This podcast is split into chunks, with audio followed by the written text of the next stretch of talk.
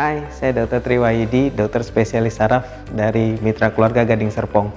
Kali ini kita akan bahas tentang cerebral DSA. DSA adalah singkatan dari digital substraksi angiografi. Menggunakan mesin seperti ini dan kita menggunakan zat warna kontras. Tujuan dari DSA adalah satu menentukan kelainan pembuluh darah otak secara sempurna. Dua, menentukan tindakan lanjutannya.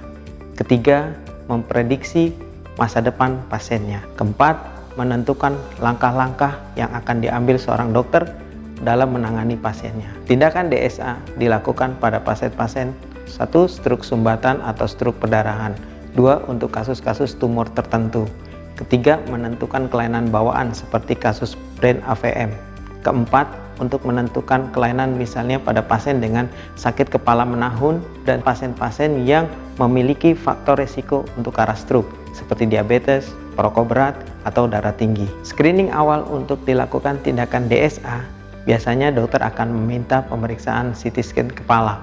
Yang kedua bisa juga pemeriksaan MRI kepala. Ketiga pemeriksaan laboratorium seperti darah rutin, pemeriksaan fungsi ginjal, fungsi hati, gula darah, dan sebagainya. Yang keempat, dokter juga memerlukan pemeriksaan foto dada. Perbedaan sebelum dan sesudah dilakukan tindakan DSA adalah satu, pasien lebih yakin di mana kelainannya. Kedua, dokter akan lebih tepat dalam menangani tindakan lanjutannya untuk pasien tersebut. Demikian pembahasan tentang DSA. Untuk informasi lebih lanjut mengenai DSA, silakan menghubungi mitra keluarga. Sampai jumpa di pembahasan kesehatan lainnya. Mitra Keluarga Life, Love, Laughter